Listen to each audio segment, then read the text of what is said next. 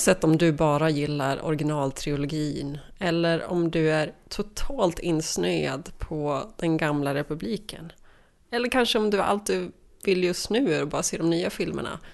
Eh, så finns det ju någonting som genomsyrar allt det. Det här mystiska fältet som rör sig runt om i Star Wars-galaxen.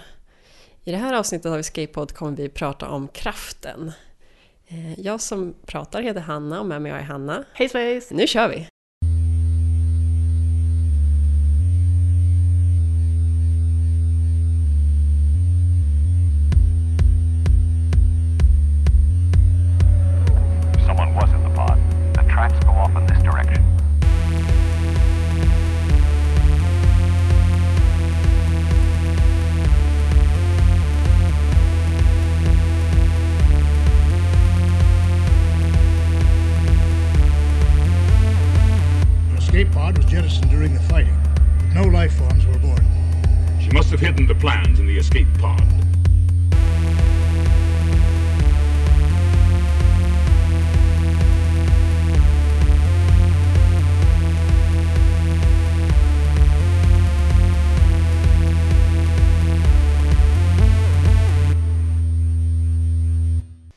Tänkte att vi kanske kunde börja med att reda ut lite begrepp när det gäller kraften. För det är lite olika definitioner som gäller det här.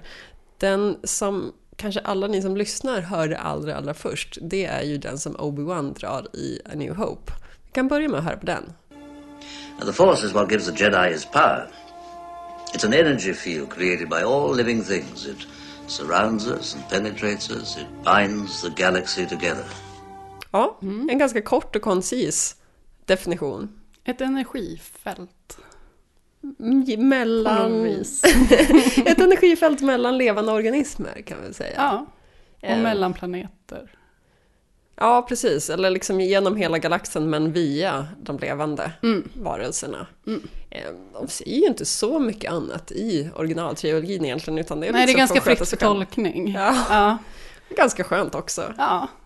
Ehm, och det var ju så här, mm, tänker jag, att man tänkte kraften väldigt länge, eller i varje fall så jag upplevde kraften. Så ah, okej, det är något slags magiskt fält, det är mellan levande varelser, man kan göra häftiga grejer via det fältet på något sätt. Och lite att så här, vi förklarar det inte så himla noga, för det viktigaste i den här berättelsen är inte att du vet exakt hur kraften funkar, utan att den finns och kan göra saker Ja, men lite som så. inte finns i vår värld. Precis.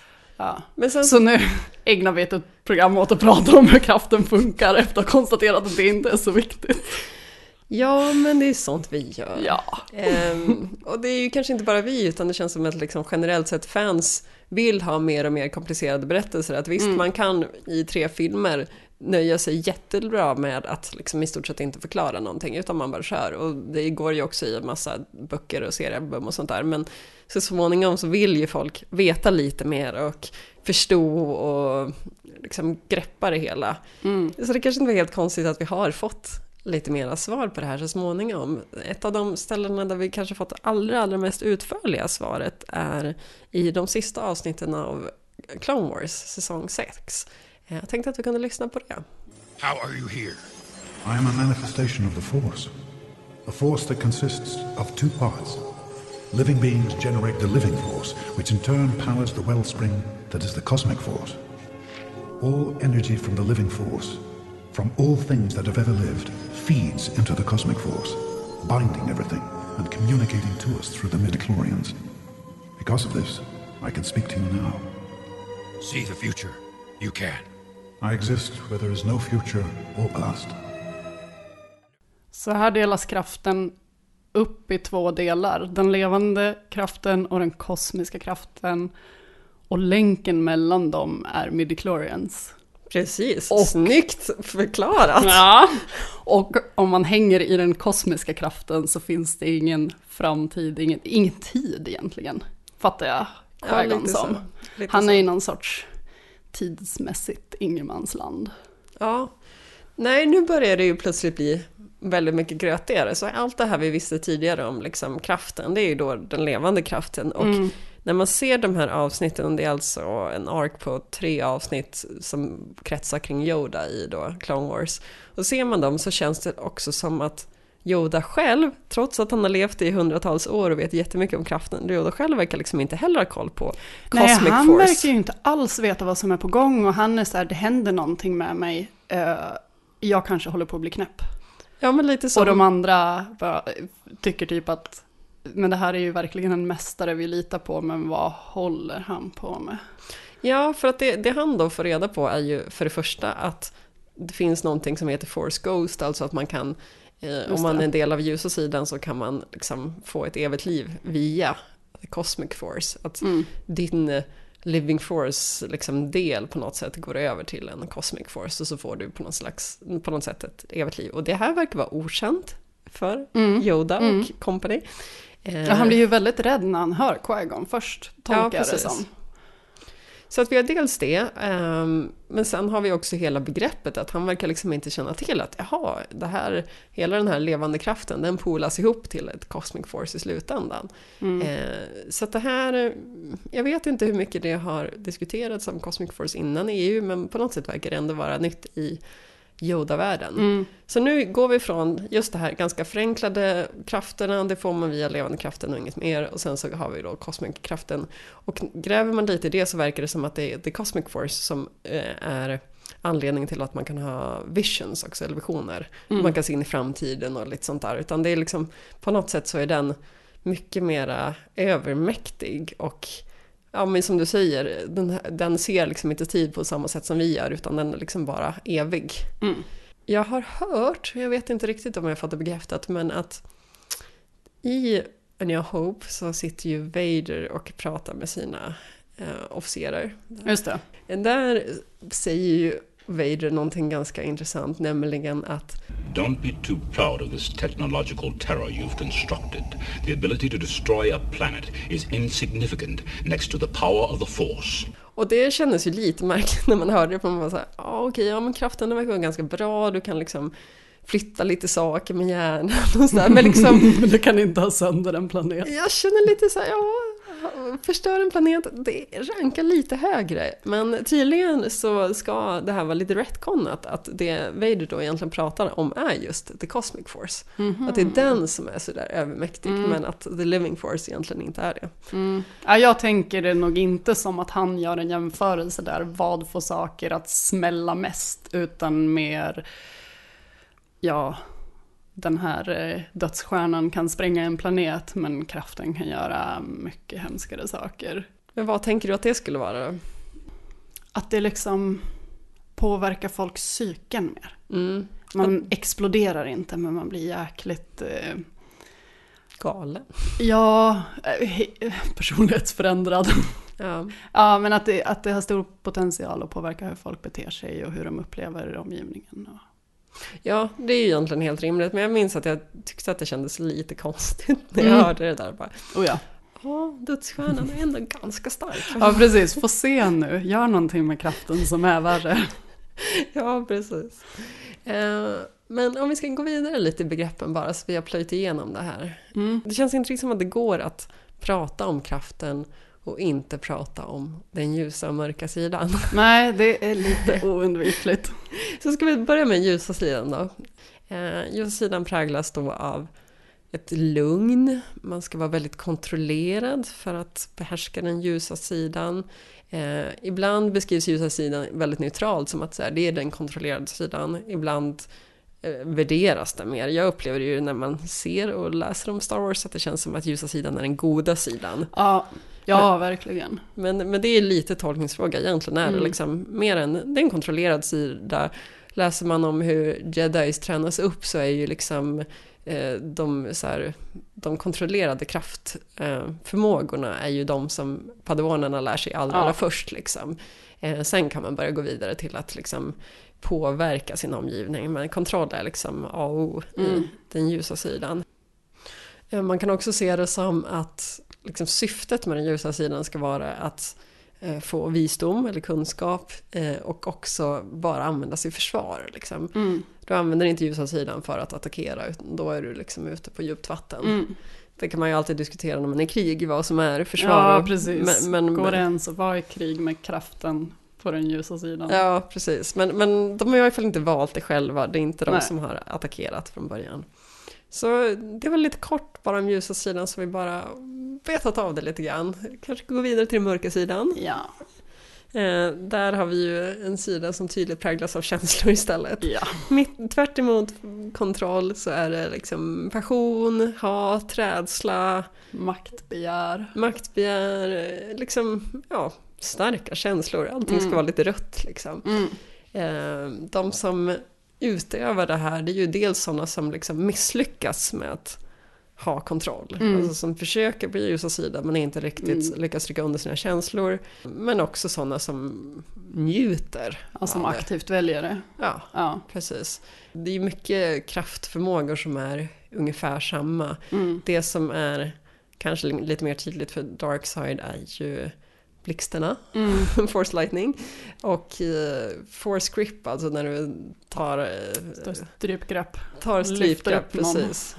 Eh, men det här är ju lite sådär, det är lite konstigt. Alltså, både du och jag har ju nyligen läst till exempel den här Jedi Path som Mm. är en slags instruktionsbok för Jedis. Mm. Och där står det till exempel om ehm, Force Grip. Och ehm, det är lite som att, alltså den beskrivs som en av de här förbjudna krafterna. Mm. Men jag är lite osäker på om den beskrivs som så här, det här är naturligt. Du kan inte använda den här om du inte är en dark side utövare eller liksom. Ja, eller om det bara är att använder du det här så är du på en slippery slope. det Lite kan så. gå så himla fel om du inte är tillräckligt kompetent för att kontrollera det. Ja, precis. Ja, nej, det framkommer inte riktigt. Men jag tycker det, det känns lite fånigt för liksom, om man tar force grip, liksom, att bara att gripa någonting, gripa tag i någonting, Mm.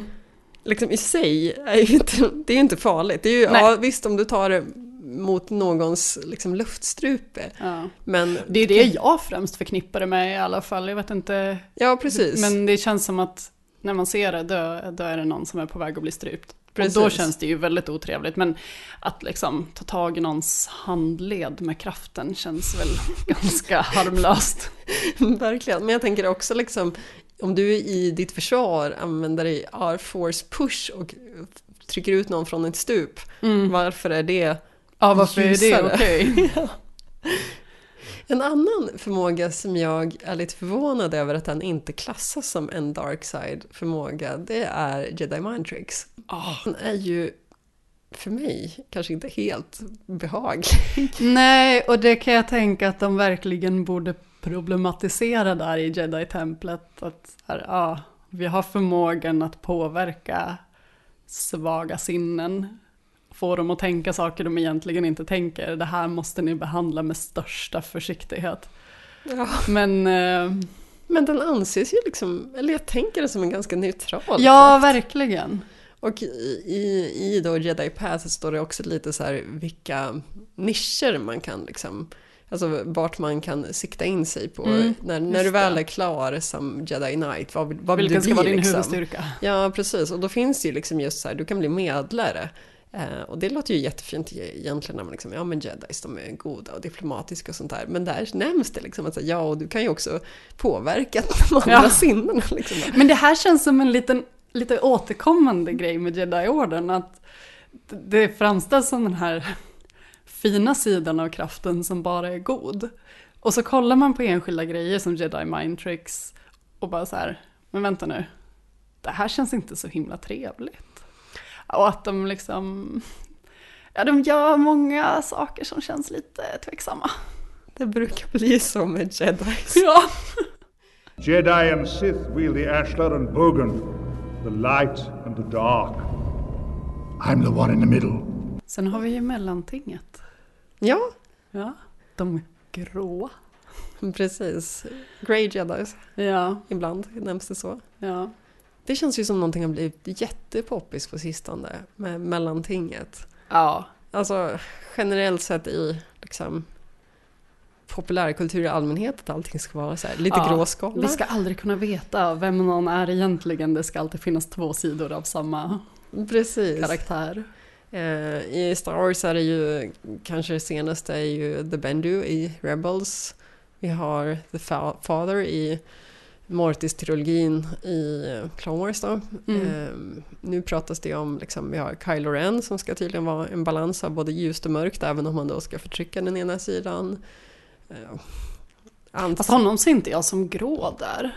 Eller blir, hamnar han i den definitionen för att han kämpar mellan de två sidorna? jag tror att han hamnar där för att han på något sätt kan få styrka från båda sidorna. Aha. På, Mm. liksom att han, han är inte typiskt, i varje fall i um, Force Awakens så är han liksom inte genomond utan att han på något sätt har väldigt mycket... Han vill vara genomond men det går inte riktigt. Stackarn. Eh, så, så vi har några sådana där. Min första, mitt första möte med eh, den här mittemellansidan var en som heter Jolie Bindu, tror jag han heter, i Knights of the Old Republic. Och då Mm. minns jag att jag blev liksom lite ställd, för att det, för mig var det väldigt unikt. Liksom, att jaha, här är någon som vägrar känna ge sig till Jedi-orden och vägrar ens känna ge sig till liksom, den ljusa sidan, trots att man har lärt sig att det är ju den goda sidan. Mm. Liksom, utan han bara liksom kunde eh, kombinera de två. Jag tänker ju att det finns en del jedi som också är lite där och gräver. Alltså Mace Windu ska ju till exempel, han använder ju en stridsstil som är ja, och trevar på Mm. den mörka sidan till exempel, men lyckas balansera det. Så den här balansen känns ju som lite den här bubblaren. Men det här som du sa nu att den här gråzonen har blivit väldigt populär på senare tid. Mm. Jag håller med dig om det. Men jag har också lite svårt att få ihop originaltrilogin i grått versus solklart ljust eller mörkt. För att där, när de pratar om kraften där så pratar de ju om det som att det är antingen ljust eller mörkt. Mm. Eh, låter du, så här, blandar du in dina känslor i kraftanvändandet då, då är det liksom tack och yes, då hamnar du på mörka sidan.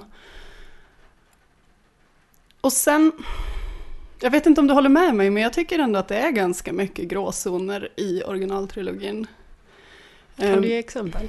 Ja, det här kan ju i och för sig ha att göra med att jag såg filmerna först när jag var barn och hade en annan, liksom, ett annat sätt att tänka då. Men jag minns liksom att varje gång som, ja men till exempel när Luke är på Dagobah Mm. och så får han någon sorts vision om att eh, Leia och han ligger riktigt risigt till i Cloud City. Mm. Så jag måste åka dit och rädda mina vänner. Och Yoda säger nej, gör inte det, du har inte slutfört din träning. Om du gör det så kommer du vara jättemottaglig för den mörka sidan. Och så sticker han i alla fall. Och att jag satt där och tänkte, men herregud, vad gör han? Nu kommer han ju falla. Han kommer gå till den mörka sidan. Det finns inget alternativ, för Yoda har sagt att det är det som kommer hända. Och sen eh, så använder han ju sina känslor lite i mm, så här, fighter han har. Mm. Och jag kände där också att, åh nej, nu hände det. Nu blev han mörk. Men så blir han inte det. Nej, och så blir han inte det. Han gör de här grejerna som Yoda och Ben har sagt, att gör du det här så är det en säker väg till den mörka sidan. Och sen så fortsätter han vara ljus. Mm. Jag tänker, ja, det, det du beskrev först, det känns ju precis som så här, när man var liten och tänkte att så här, gör man någonting fel så åker man i fängelse. Återkalleligt. Nej men då åker man i fängelse. Ja. Vad, man än, vad man än gör, minsta lilla brott eller vad som Mm. helst, du skräpar ner på gatan, då kommer du i fängelse. Mm. Eh, men det du pratar om det här, liksom Luke som kopplar in känslor. Jag känner inte riktigt kanske ändå att det är en balansfråga eller en gråzonsfråga. Utan där känns det mer som att det liksom fortfarande på eller av, alltså ljust eller mörkt. Och sen Mm. kanske han hoppar lite fram och tillbaka hela tiden. Att liksom så här, tar han för mycket känslor, ja men då hoppar han till det mörka. Men han liksom... Skulle han hoppa för många gånger till det mörka, då skulle han bli eh, mörk. Mm. Men att han liksom, tack vare Yodas träning och liksom sina vänner eller vad som helst så... Så lyckas han ta sig tillbaka. ja, precis. Och att det är liksom Ja. det som är hela dynamiken eller det som ja, Jedi handlar om. Liksom, att Mm. eh, kommer han falla eller inte?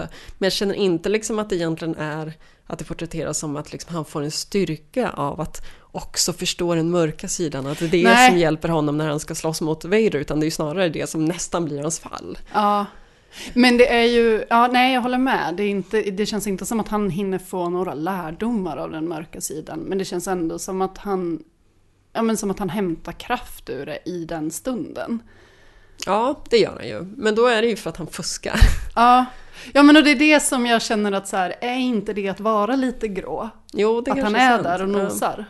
Även om han liksom inte går särskilt långt in på den mörka sidan. Mm.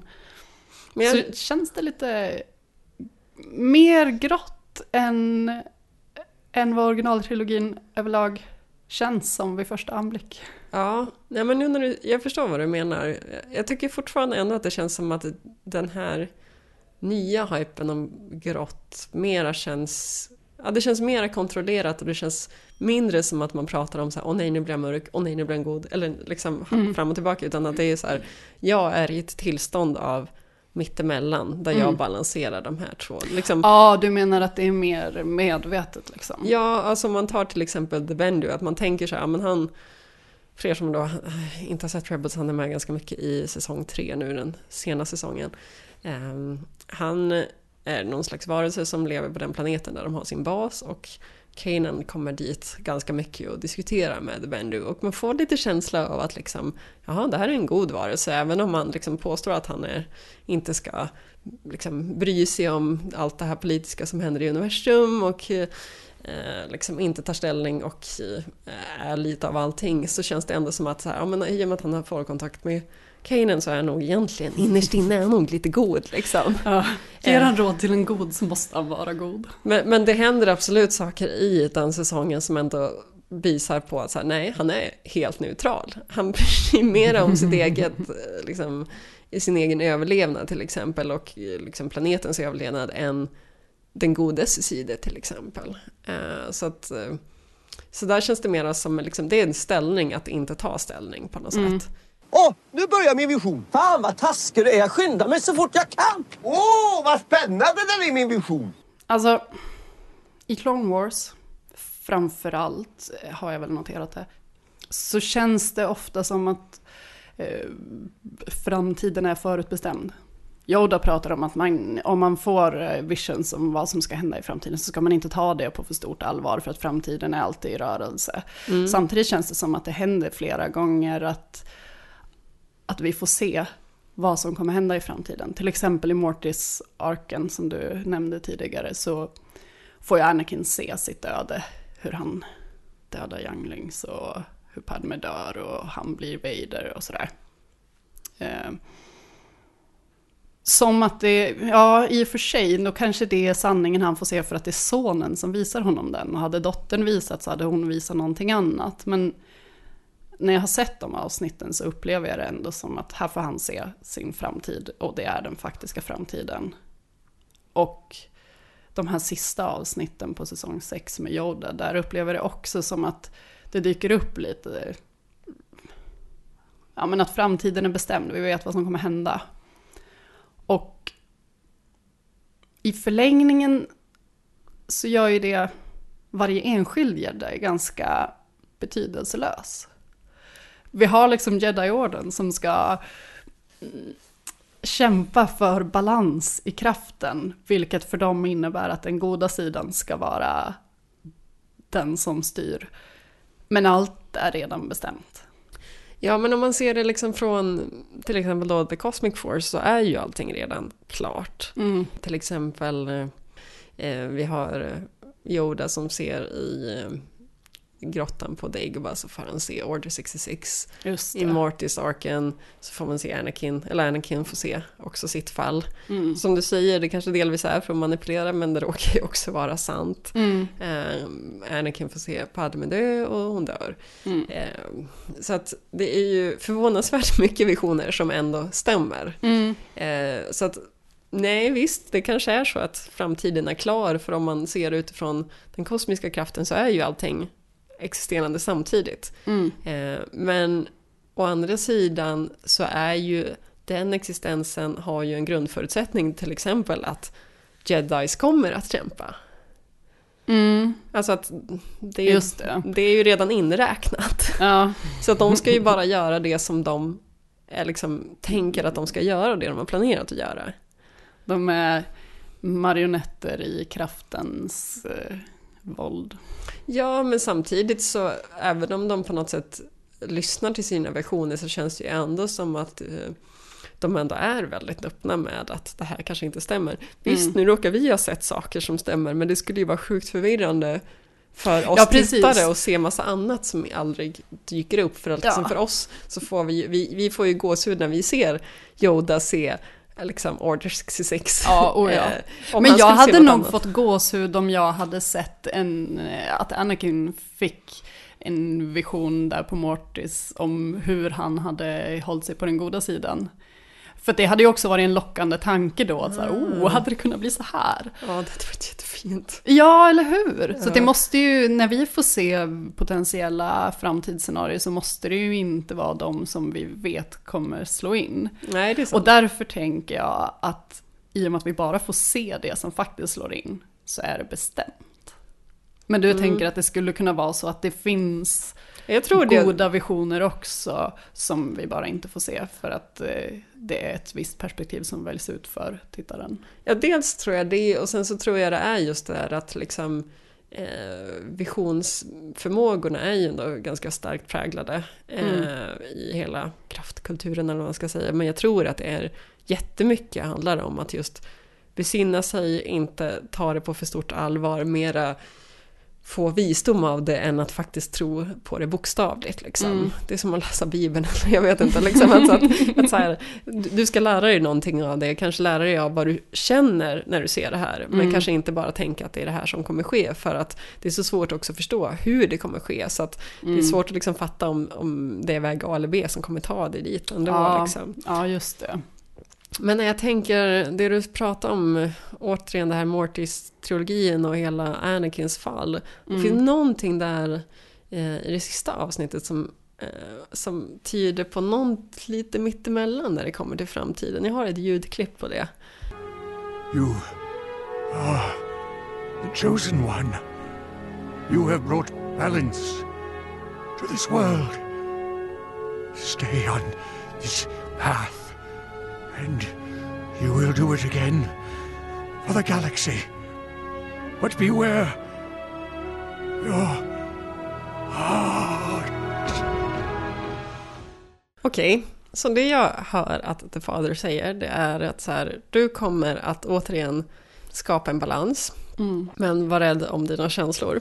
Eller för dina känslor. Det jag tänker då är två saker. Ena sidan så kan man se det som att han skapar ju en balans när han dödar kejsaren. Men det gör han ju efter att han blivit Vader, efter att hela hans fall har skett, efter att han har lyssnat för mycket på sitt hjärta.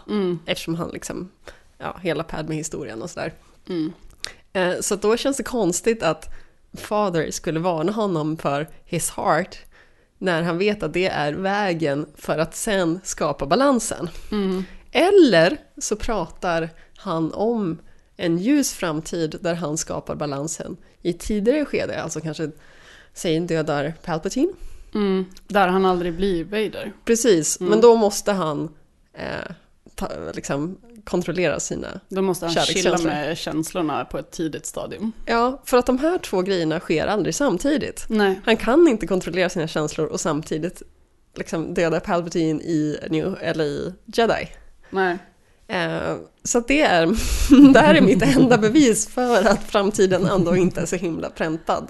Aha. Liksom, att, eh, det känns som att fadern ser två olika framtider samtidigt. Och jag vet inte riktigt vilken han ser och menar. Men de här två grejerna sker aldrig samtidigt. Nej. Så alltså är, finns det en luddighet i framtiden. Aha, jag tänker det är alltid kronologiskt. Att eh, passa dig för dina känslor och första gången vi ser att du gör någonting känslostyrt där när du blir Vader. Så det är det tillfället och då, då dyker ju aldrig det här upp när han måste lyssna på sina känslor. Nej, men han säger ju också att du kommer att återigen skapa en balans i universumet. Mm. När gör han det då?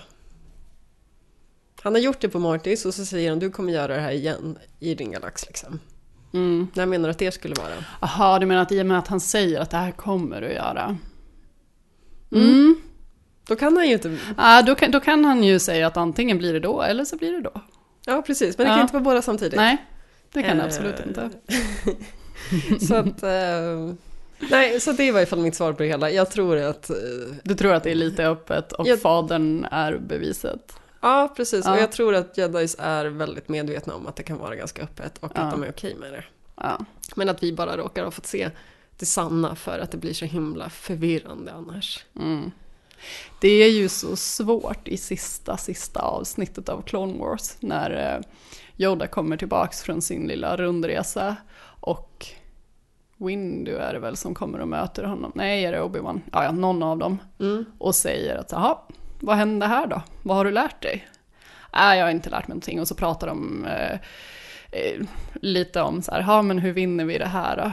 Ja, nej, det här klonkrigen, det är redan kört. Men det kommer bli balans sen. Och det känns så sorgligt när han går iväg där med sin lilla käpp. Att där går han och vet att nu väntar mörker, idel mörker. nu handlar det bara om att härda ut. Ja, men då kan han ju själv inte... Ja, det, ja, det där var ju i och för sig intressant att du tog upp för att det betyder ju att Yoda ändå på något sätt accepterat att det här är Mm. framtiden. Ja, ja. Ja, det känns det verkligen som att han har gjort. Att han, han lite grann har gett upp klonkrigen där. Ja, låt, låt allt det hemska ha sin gång. Det blir bra sen. Your sad devotion to that ancient religion has not helped you conjure up the stolen data tapes, or given you clairvoyance enough to find the rebels' hidden fort. Det vi får lära oss om kraften i filmerna kommer ju ur perspektivet kraftanvändare, jedis och sitt och ja, andra som kan använda kraften på något sätt. Mm. Men jag funderar på vad kraften är för de andra. Mm. För att det ser vi inte så mycket av. Och då tänker jag att vi... Har vi egentligen något bevis på att de tror på kraften? För att om vi, om vi går till lite senare i eh, tideräkningen så till exempel säger ju Han Solo till Obi-Wan i New Hope att ja, jag har aldrig sett något tecken på att det finns en kraft som förenar allting. Bla bla bla. Ja, just det. Men Det känns som att därifrån och framåt så är det lite så här, de vanliga är inte helt säkra på att kraften är något som finns, utan det där är någon hokus pokus religion som ni gamla stofiler som kallar er jedis eh, har hållit på med, men det är ju ingenting som är riktigt egentligen. Eh, Vaders hejdukar tror ju inte heller på kraften. Tills de ser den, Nej, precis. Tills de ser den. Då blir det ju... Men... Jag funderar på om det skulle kunna vara så att Jedi-orden är någon sorts sekt. Eller vi kan vara lite snällare, religionsutövare. Eh, som har, alltså där kraften är deras motsvarighet till en gud. De har väldigt mycket bevis för att kraften finns. Men det kanske inte är någon annan som köper de bevisen. Ja, just det. Och framförallt inte om man aldrig har sett en jedi i praktiken, vilket de flesta i galaxen aldrig kommer ha gjort eller kommer att göra under ens republiktiden. För jag menar, det är några tusen jedis på Ja, liksom, precis. en galax. Precis. Nej, och jag tänker att under republiktiden så är det ju en sak, för då finns det ju ändå en jedi-order och det är mycket som styrs därifrån. Jo, men jag det är menar- inte helt stensäkert att alla måste tro på det i alla fall. Men efter det, då finns det ju, det är ju, då är det ju verkligen ingenting som finns runt omkring.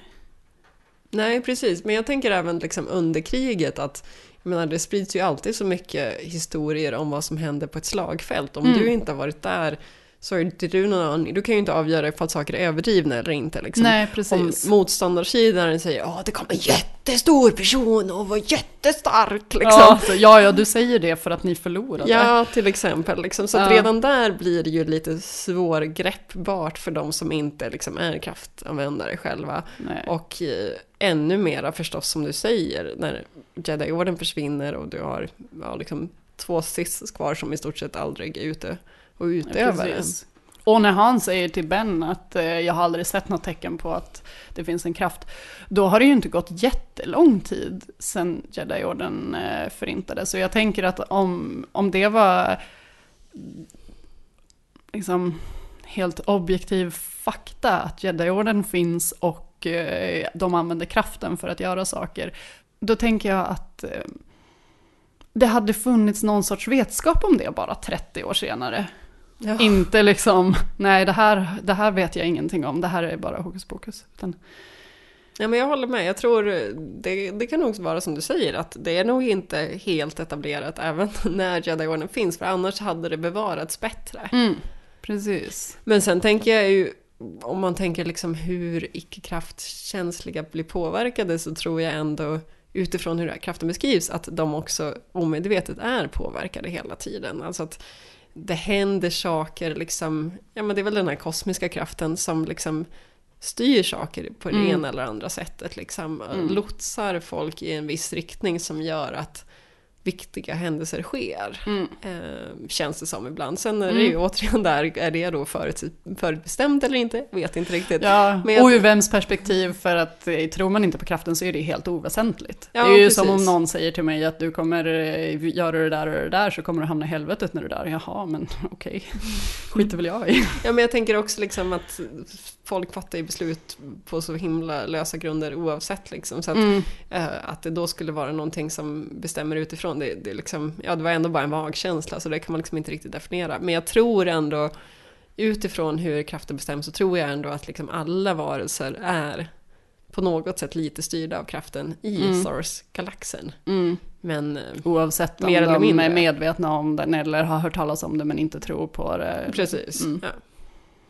Men eh, helt klart en intressant observation för att det känns ju som att man, ja, 20 år efter Order 66 fortfarande borde minnas lite grann om Ja. Men, Ja, precis.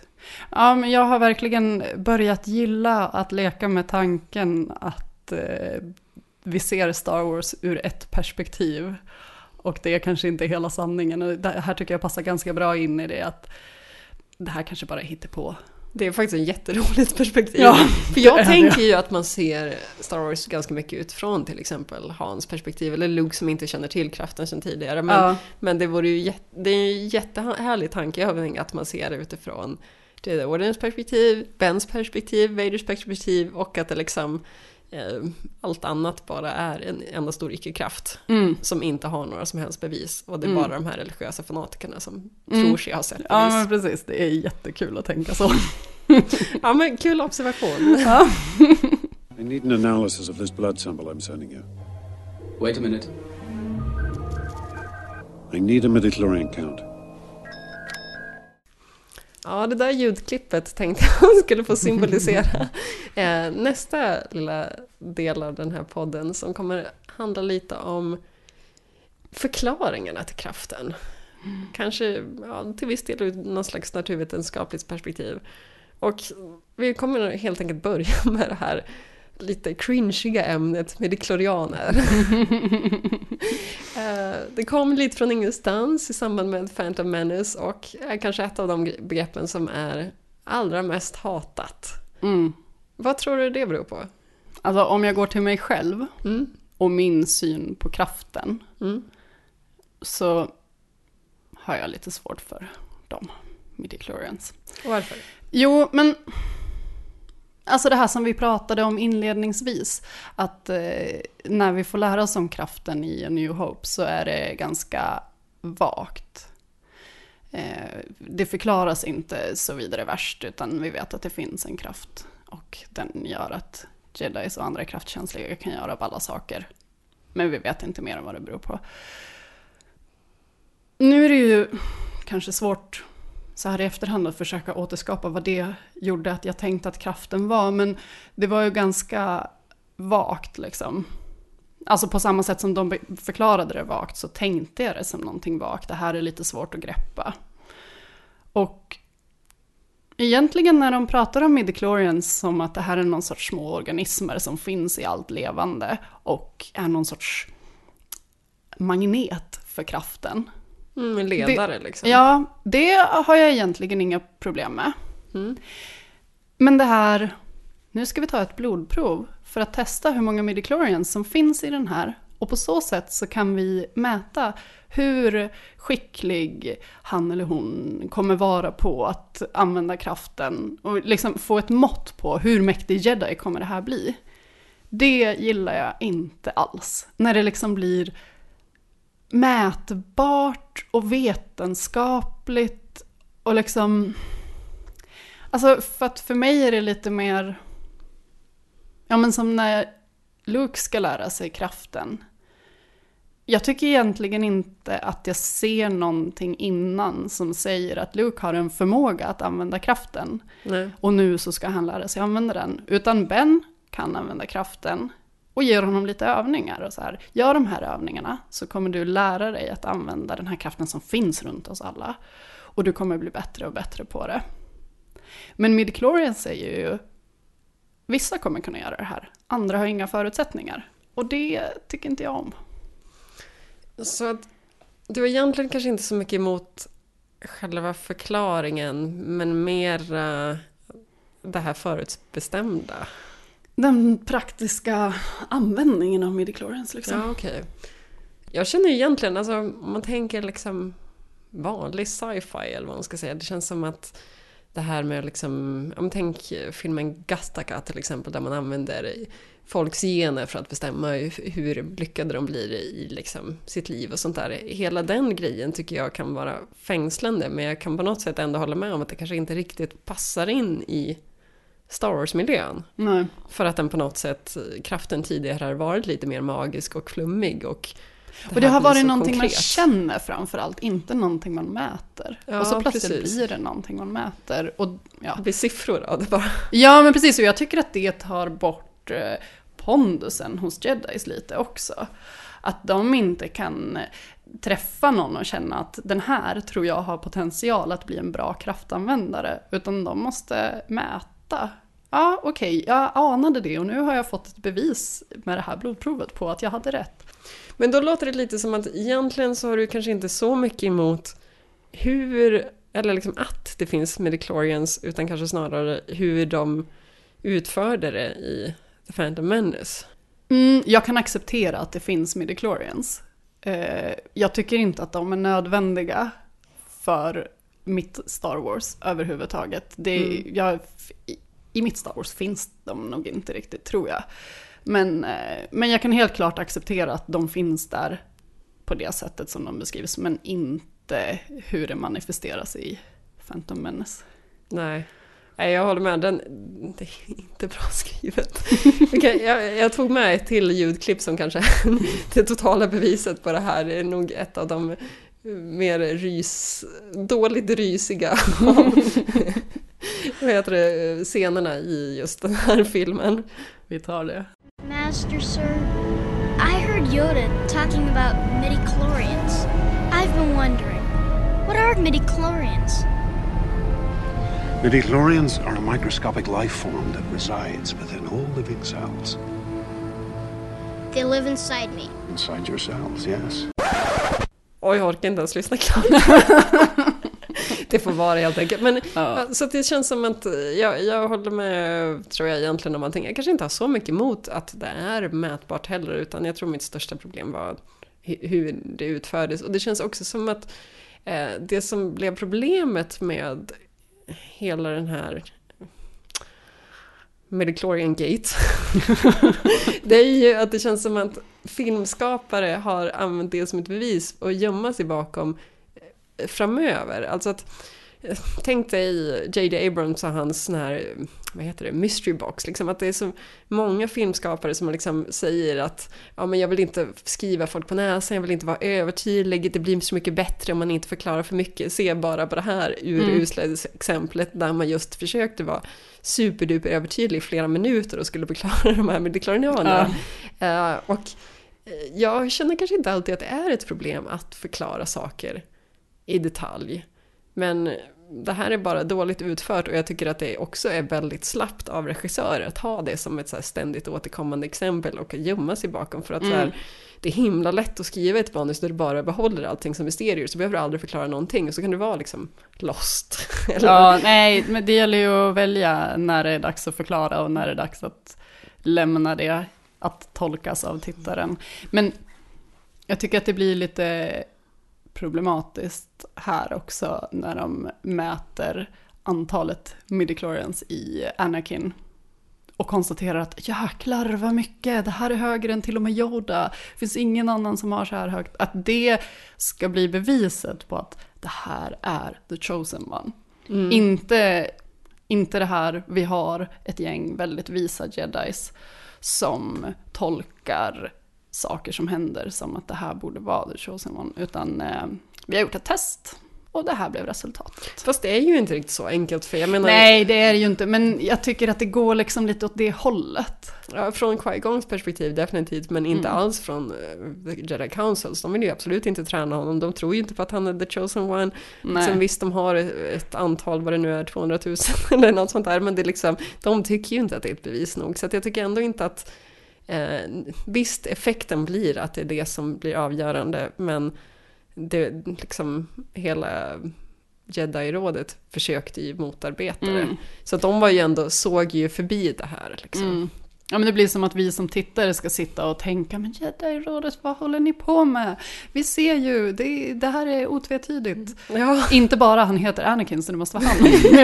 Utan liksom, eh, ja men det, det är så uppenbart, men ja, nej. Ja. Nej men jag känner personligen för min egen del så känner jag inte att kraften behöver vara jättemagisk liksom. Om man tar ett annat fall av liksom där kraften och naturvetenskapen kop- kopplas ihop i Star Wars så är det ju liksom hela Darth Plagueis-grejen. Alltså hans studier och forskning för att övervinna döden är ju liksom men, som en helt vanlig forskare. Han liksom Mm. angriper det ju så. och Han liksom, det känns inte som att han himlar med det heller utan liksom så här, han, han försöker förstå det här och så har han eh, obe, obehagliga sätt att göra det på. Har så här försökskaniner som han försöker då ja, men döda och återuppväcka. Liksom.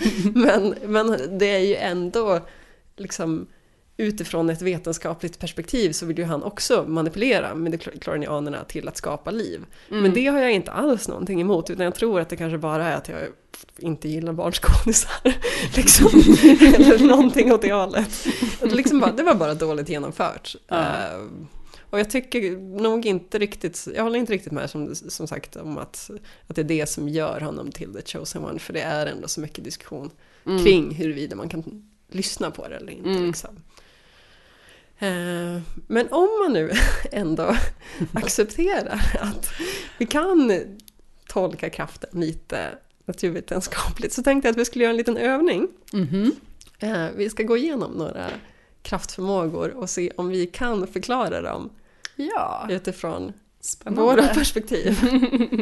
Eh, Eller lite hur man kan tolka det hela.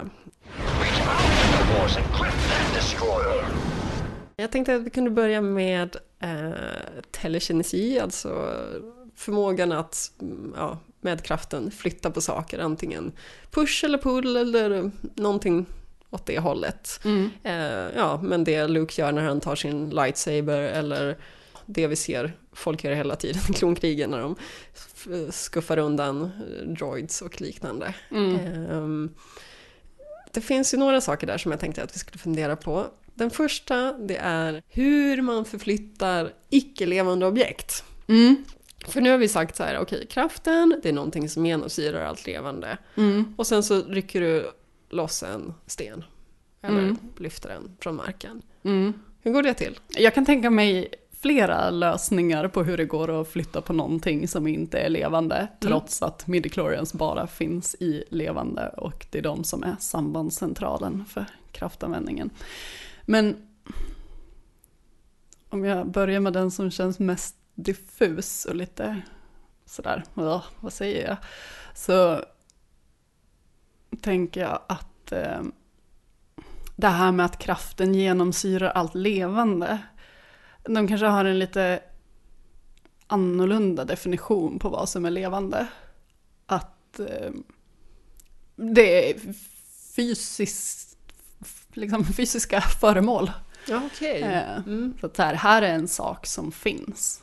och då är den levande. Så att det man kan flytta på är sånt man kan observera. Man kan inte flytta på tankar, utan man flyttar ja. på saker. Mm. Ehm, Så ett vidare begrepp av levande helt Ja, men precis. Ett vidare begrepp av levande.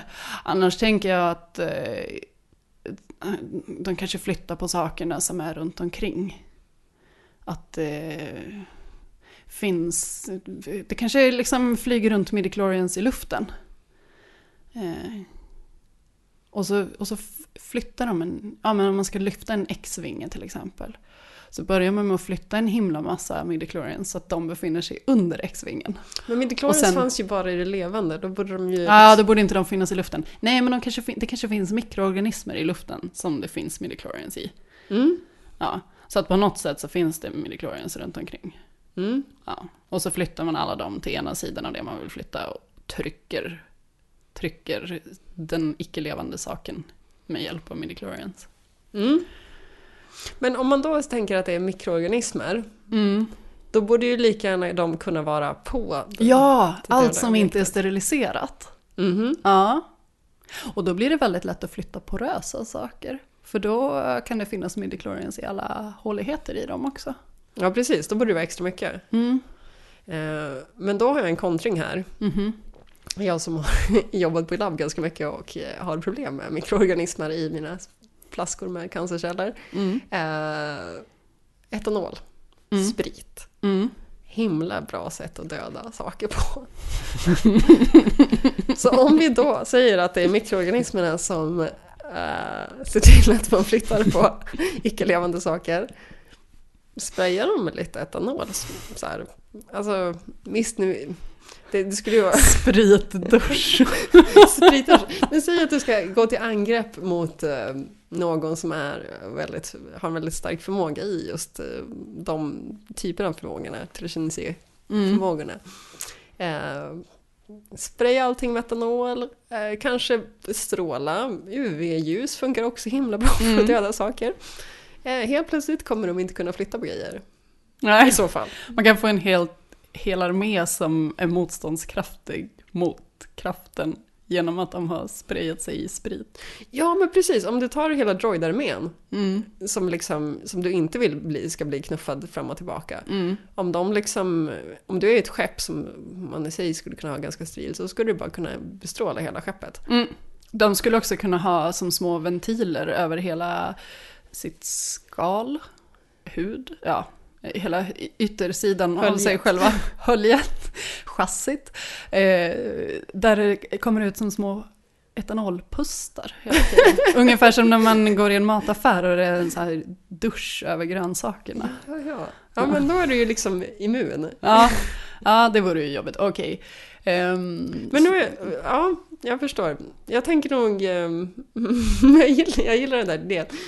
Generellt sett har jag väl liksom tänkt just att ja, kraften är kanske det som ansamlas i levande organismer men att liksom fältet, kraftfältet finns överallt. Mm. Alltså att vi har gravitation, har Mm. du ju även på, det har du ju överallt. Sen så kanske du råkar ha en slänga, eller liksom tappa en sten som faller mot jorden. Då, då liksom blir ju objektet påverkat men Mm. gravitationen finns där oavsett. Ja men det håller jag med om. Att kraften kanske är störst i de levande organismerna men att eh, det är liksom inte ett kraftvakuum dem emellan. Nej, utan det- hela- kraften går mellan dem. Precis, Mm. det är väl lite så jag tänker. Mm. Men då är Då, ju då frågan- slipper vi etanolduscharna. ja, eh, det här diskuterade jag lite med Rebellradion Robert förut och han funderar ju då på liksom, blir det då så att om vi tar en planet som liksom har väldigt mycket växtlighet eller djurliv eller motsvarande, Mm. blir den då mycket mera kraftkänslig eller liksom blir kraften mycket starkare där jämfört med Det en går ökad att tala kraft? ju för det. Ja, men sen har du ju Men- liksom Endor, skulle den vara extra magisk till exempel? Ja, nej, det ser vi ju inga tecken på. Tatooine, borde man knappt kunna flytta på någonting där. Nej. Det Nej. kanske är därför de har gömt Luke där. Kanske det. Eh, en annan grej jag funderar på med push och pull och de där, det är just liksom om det finns en maxnivå på hur mycket kraften kan ehm, ta hand om. För att i då Empire så har vi ju Yoda prata om att det liksom det här med huruvida man lyfter en sten eller en X-finger ska liksom inte spela någon roll för det är så mycket mentalt bakom Mm. det. Mm. Samtidigt så liksom, det känns ju inte som att man ser dem lyfta exakt vad som helst. Nej, det, där får de finns- inte ihop tycker jag. Nej, alltså det finns ju så EU-grejer som är helt flippade där de typ flyttar planeter och grejer. Men i, i, liksom filmerna så känns det ändå ganska begränsat. Eh, och då känns det ju som, ja det kanske är i och för sig den mentala kontrollen som är begränsningen då. Jag vet inte. Ja, men i den här boken The Jedi Path som är handbok för jedis. Där finns det ett kapitel där de pratar om ja, men att träna på olika användningar av kraften. Eh, så nämner de att det finns ett rum med en massa tunga, ja det är någon bild, det ser ut som att det är stenar, jag vet inte vad det är, men tunga föremål. Och dit kan man gå och träna på att använda kraften för att lyfta saker. Och så står det att så här, de här är så himla tunga. Så även om du bara lyckas rucka lite på en av dem, får den att skaka lite, så ska du betrakta det som en stor framgång. Och det känns så himla konstigt också i förhållande till det här som Yoda säger om att det inte är svårare att flytta en X-Wing än en sten. Mm. Att plötsligt så är det väldigt svårt att flytta en sten för att den är stor och tung. Och du ska vara glad om du får den att darra lite. Ja, precis.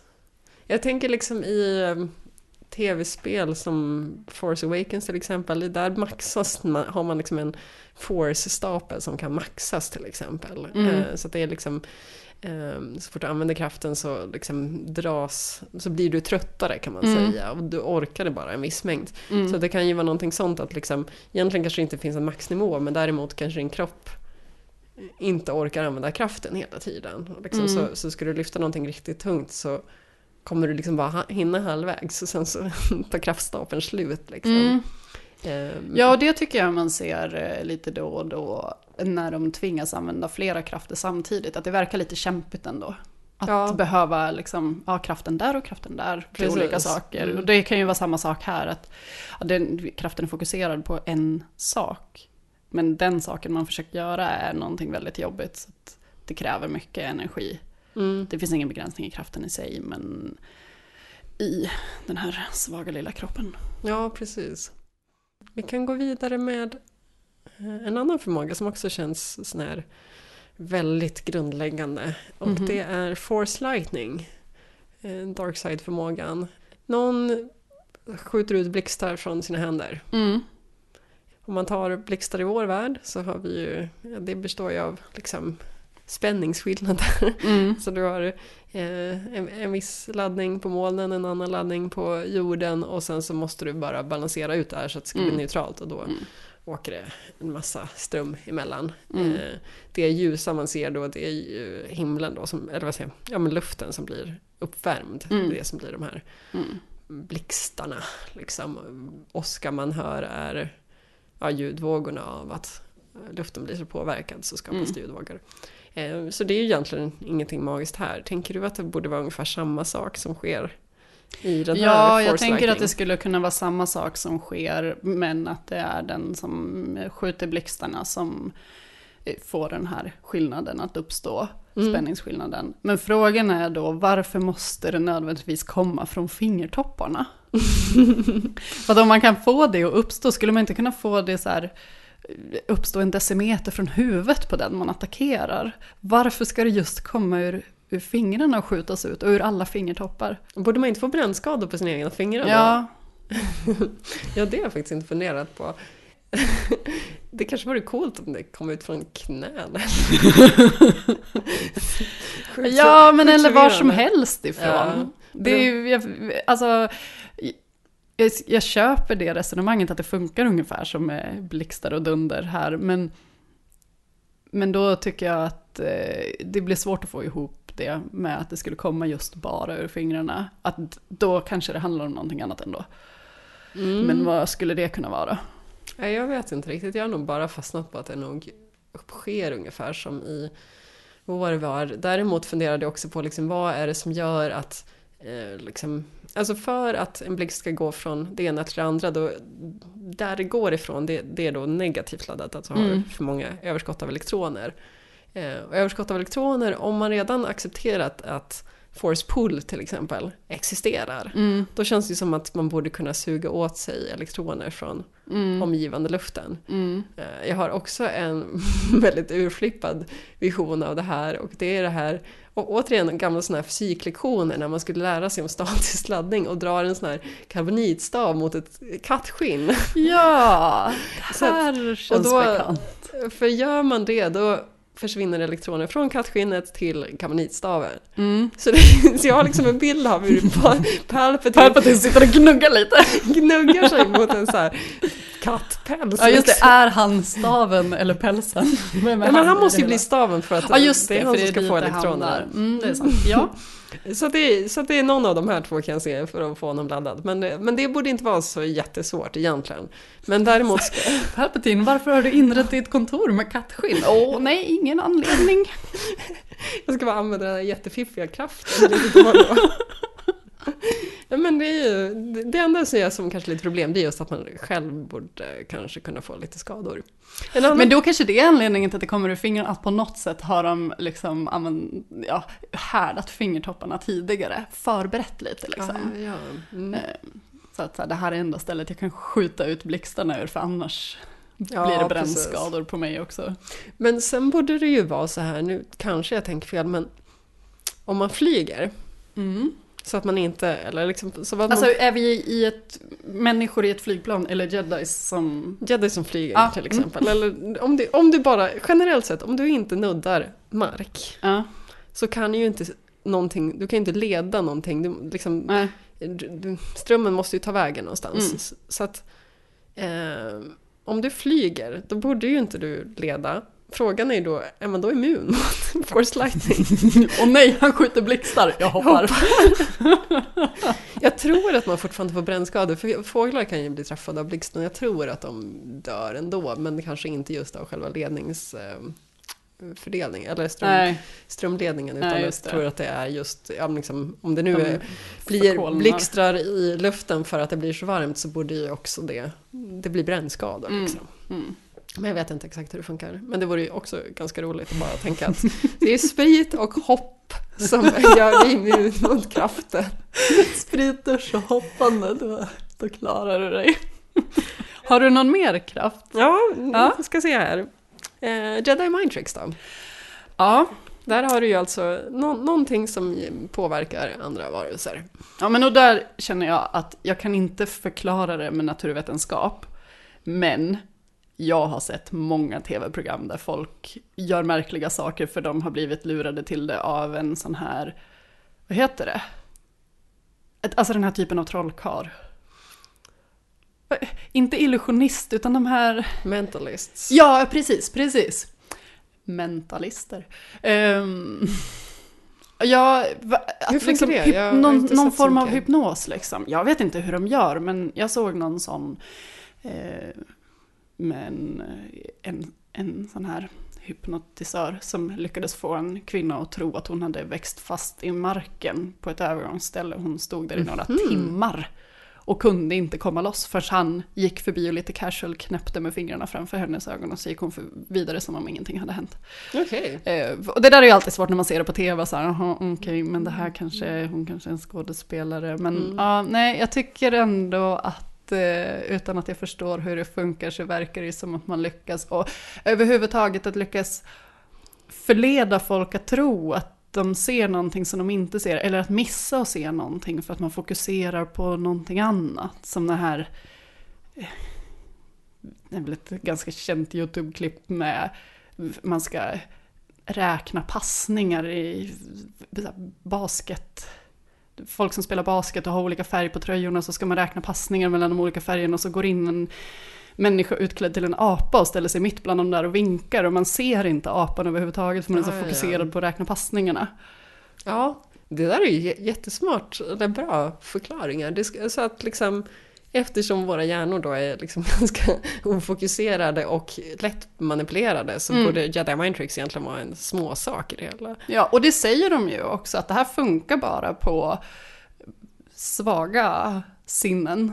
Ja, precis. Och då tänker jag att det det handlar om är att eh, när man försöker göra det på någon som eh, är lite mer beredd på det, så luras den inte att göra det som den här jedin säger, utan tänker aha nu är det något skumt på gång, nu gäller det att jag är på min vakt, jag ska inte räkna de här passningarna utan jag, jag kollar på hela bilden istället. Ja, just det. Så det är egentligen ja, men liksom vanlig man- manipulation. Mm.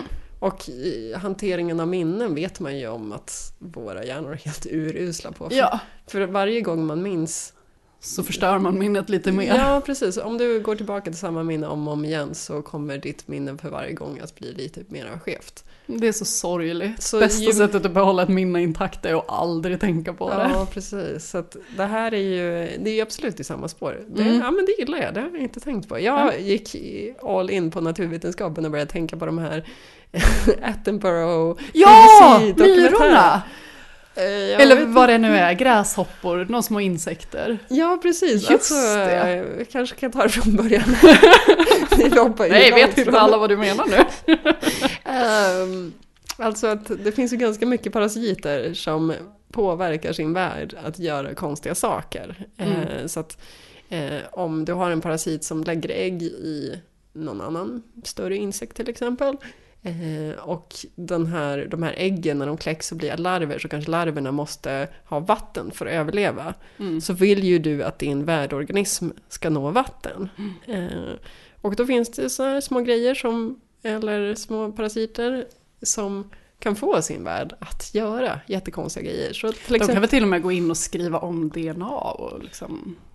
Ehm, Nu, nu, nu nog- ligger det i dina gener att du vill göra det här. Jag tror att det är mera på nervnivå. Liksom. Ja. inte, insekter har väl nervknutar och inte hjärnor men liksom sam, samma grej att de liksom ja, men, drar lite i trådarna kan man säga. Mm. Så att även om insekten i sig, värdorganismen, skulle dö så kommer den ändå tro att den vill nå vatten. Mm. Och det kanske finns andra insekter som tror att den vill sätta sig längst ut på ett grässtrå och därmed väldigt troligt bli uppäten av en förbipasserande fågel för Mm. att parasiten då vill komma in i ett djur till exempel.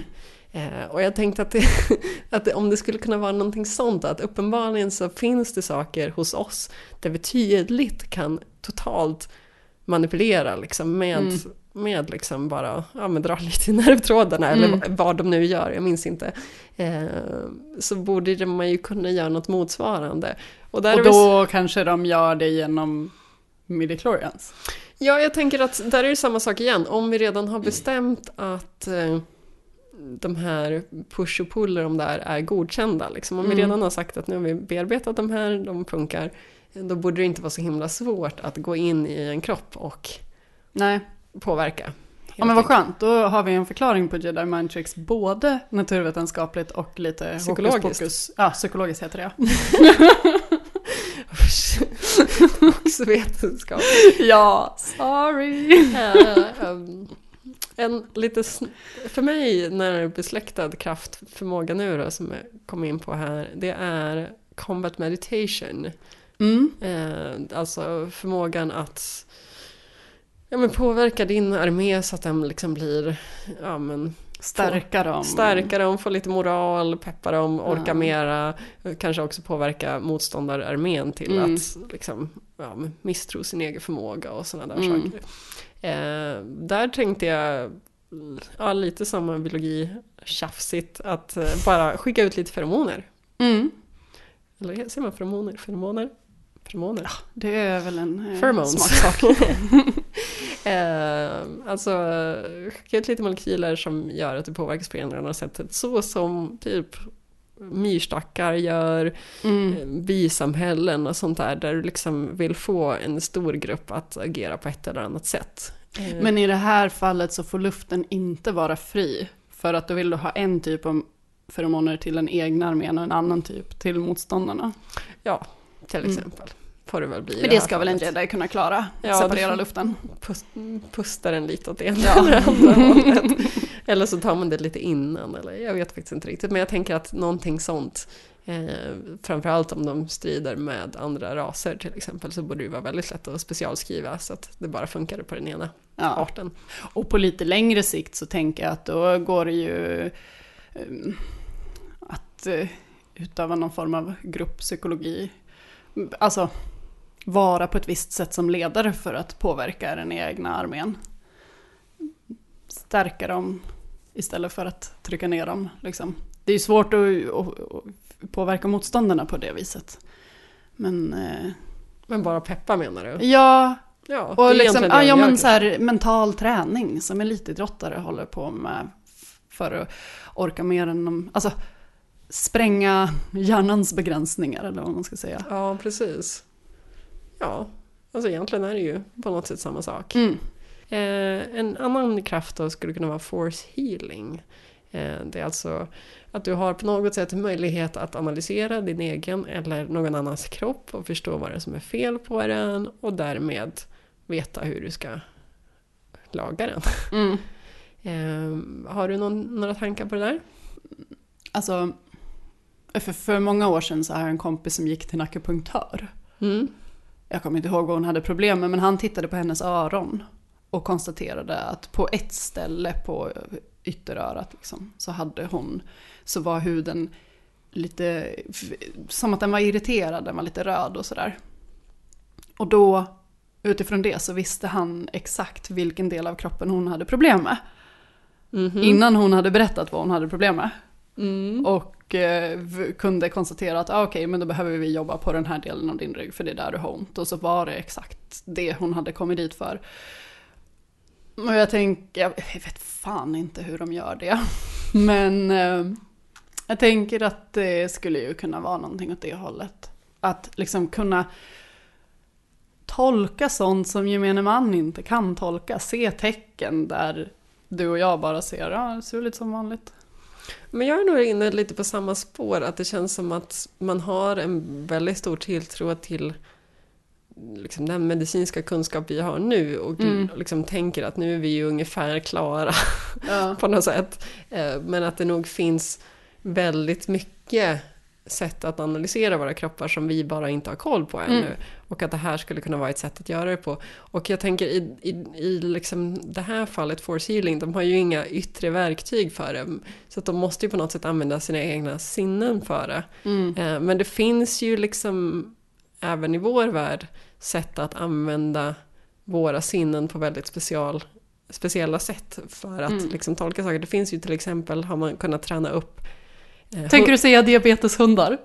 Ja, cancerhundar. Jaha, ja. Men det finns, ja precis, man kan, använda, man kan träna upp hundar för att känna igen lukter för olika sjukdomar. Mm. Eh, och jag tror, ja men diabeteshundar så är det väl, de utsätter väl saker om de har för lite socker. Ja, eller, precis. ja, och jag tror med cancer tror jag också är något sånt där. Jag har för mig att det är cancerhundar. Ja, men det där har jag också hört om. Eh, Att man, att man liksom kunnat se, de kan av någon anledning känna lukten av olika sjukdomar som vi Mm. absolut inte skulle ha någon aning om.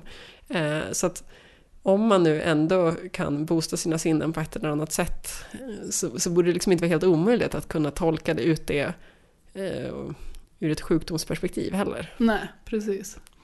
Jag tror att vi börjar få lite för många här på listan så vi ska Mm. begränsa lite. Men vi kan ta en som du hittade. Eh, vill du berätta om den? Ja, det kan jag göra. Och eh, då är frågan vad den heter. Du sa post... Postcognition. Postcognition. Jag har för mig att jag har läst det kallas psykometri. Men det finns ju säkert många namn. Men det går i alla fall ut på att man kan ta på ett föremål och genom det få en, som en minnesbild av vad det föremålet har varit med om. Mm. En, liksom, ja men ta på en, eh, en ljussabel och eh, se vad som hände i de, sista stunderna i livet för den jedi som ägde den ljussabeln. Quinlan Voss gör ju det här i Dark Disciple till exempel. Mm, Han har ju den egenskapen. specialförmåga, Mm, liksom.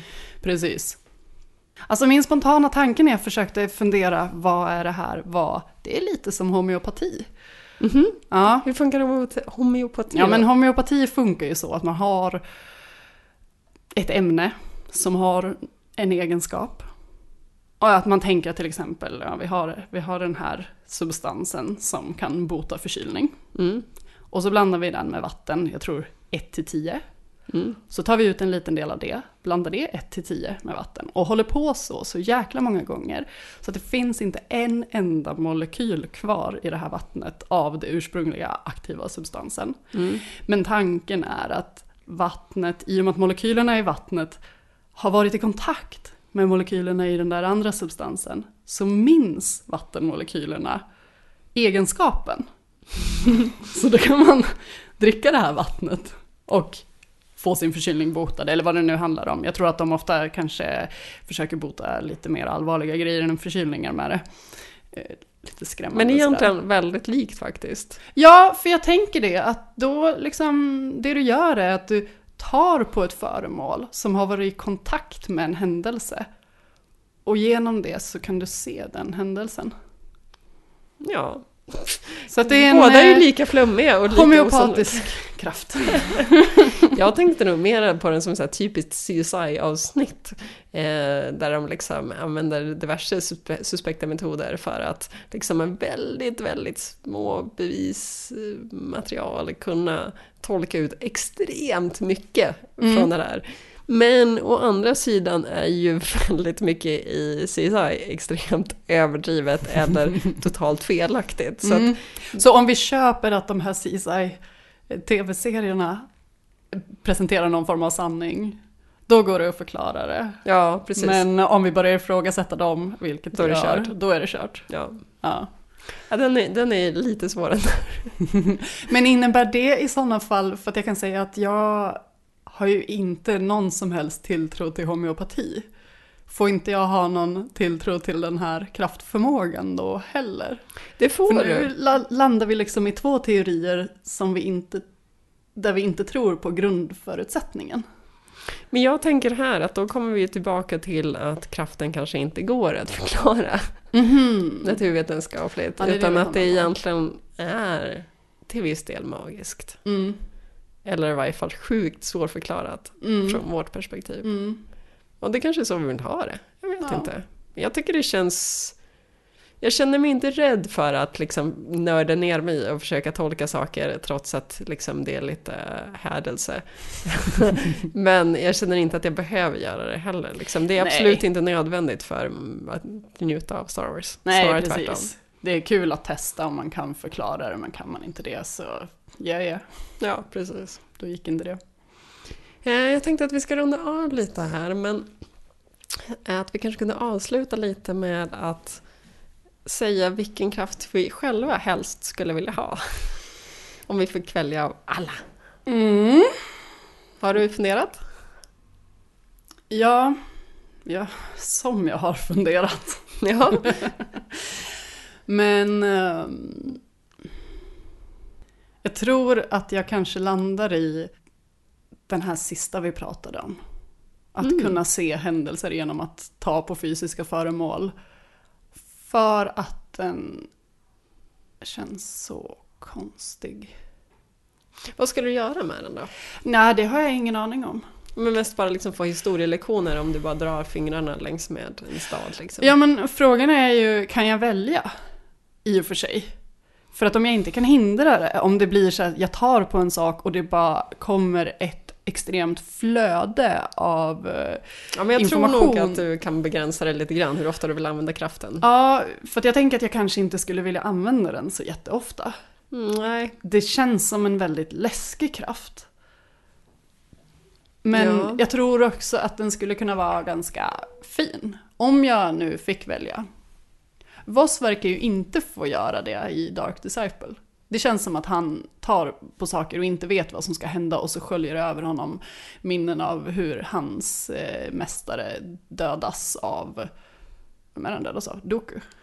Mm, jag minns inte Ja. så mycket. Eh, och det är såklart jättejobbigt för honom och fasansfullt och så. Men om man fick välja, om jag kunde liksom så här, ja men, ta en av min farmors gamla ägodelar och så här, nu, nu vill jag ha ett fint minne som hon har varit med om kopplat till den här grejen. Det hade ju varit väldigt trevligt. Faktiskt. Men väldigt integritetskränkande också. Mm. Jag kanske inte ska fundera för mycket på det här. det är så svårt att välja då. Vi går över till dig istället. Vilken kraft skulle du vilja ha? Jag hade också svårt att bestämma mig. Först tänkte jag att jag skulle vara väldigt så här altruistisk och bara, "Ah, men force healing, det verkar så här schysst att bara kunna hjälpa mänskligheten. Men samtidigt så kändes det så svårt att utföra rent praktiskt för att Jag är ju inte läkare så att liksom, jag har ju ingen tillgång till patienter. Nej. Men det skulle väl vara liksom, och det skulle anses vara väldigt suspekt också. Man skulle behöva förklara sig och det enda stället jag kunde komma på där man liksom inte skulle behöva förklara sig så mycket, det kanske är liksom i krigshärjade zoner där det liksom inte är så reglerat. Mm. Men där kanske inte jag vill vara om jag ska vara ärlig. Det, för det känns som att jag är ju fortfarande inte immun mot allt skit som finns i ett krig. Liksom. Eh, Så, så att jag var inte tillräckligt god för det. Eh, Sen så kom jag på att här, jag har alltid velat vara liksom, lite mera fysiskt kap- kapabel till saker för att jag är så här, men, lite slö och inte så vig och sådär. Ehm, Så att eh, jag var lite sugen på forced jump, att det bara var så jävla coolt att bara kunna Ja. hoppa jättehögt och bara vara supergraciös. Men sen kom jag på att jag vet liksom inte riktigt vad jag ska göra med den kraften. Hoppa hemifrån till jobbet, slippa det där jäkla Jag upptåget. vet inte riktigt ifall det är eh, fullt så görbart. Nej. Men, men liksom så här, ja du kan hoppa upp för en femvåningsbyggnad. Jaha, ja, okej, nu slapp jag ta trapporna. men eh, nej, så den kändes liksom, det kändes cool och som att man kunde vara lite som så här, vad heter han, Nightcrawler, X-Men, eh, någonting sånt. Men eh, inte så görbar, eller liksom inte så användningsbar. Så att det slutar med en av mina hatkrafter egentligen och det är ju Jedi Mind Tricks. Oj! För att den är ju, den är ju som sagt jättehemsk. Den, Mm. man, det, är liksom, det är manipulerande och det är integritetskränkande och så vidare. Eh, men den är ju samtidigt himla ball. och liksom, Skitsamma att det är så obehagligt, det är väldigt ballt. speciell på så många sätt och man skulle egentligen kunna göra ganska mycket gott med det för man skulle kunna manipulera personer som har väldigt ont uppsåt. Liksom. Eh, fatta om du, liksom, ja, du skulle gå till nazistdemonstrationen i Göteborg och få Ja. liksom Få dem att dela ut blommor istället. Ja, men liksom något i den stilen. Det som är problemet med den är att den verkar inte vara så himla permanent, känner jag. Att det känns som att det är Nej. någonting som sker precis just då. Mm. Eh, Men det är fortfarande liksom så här...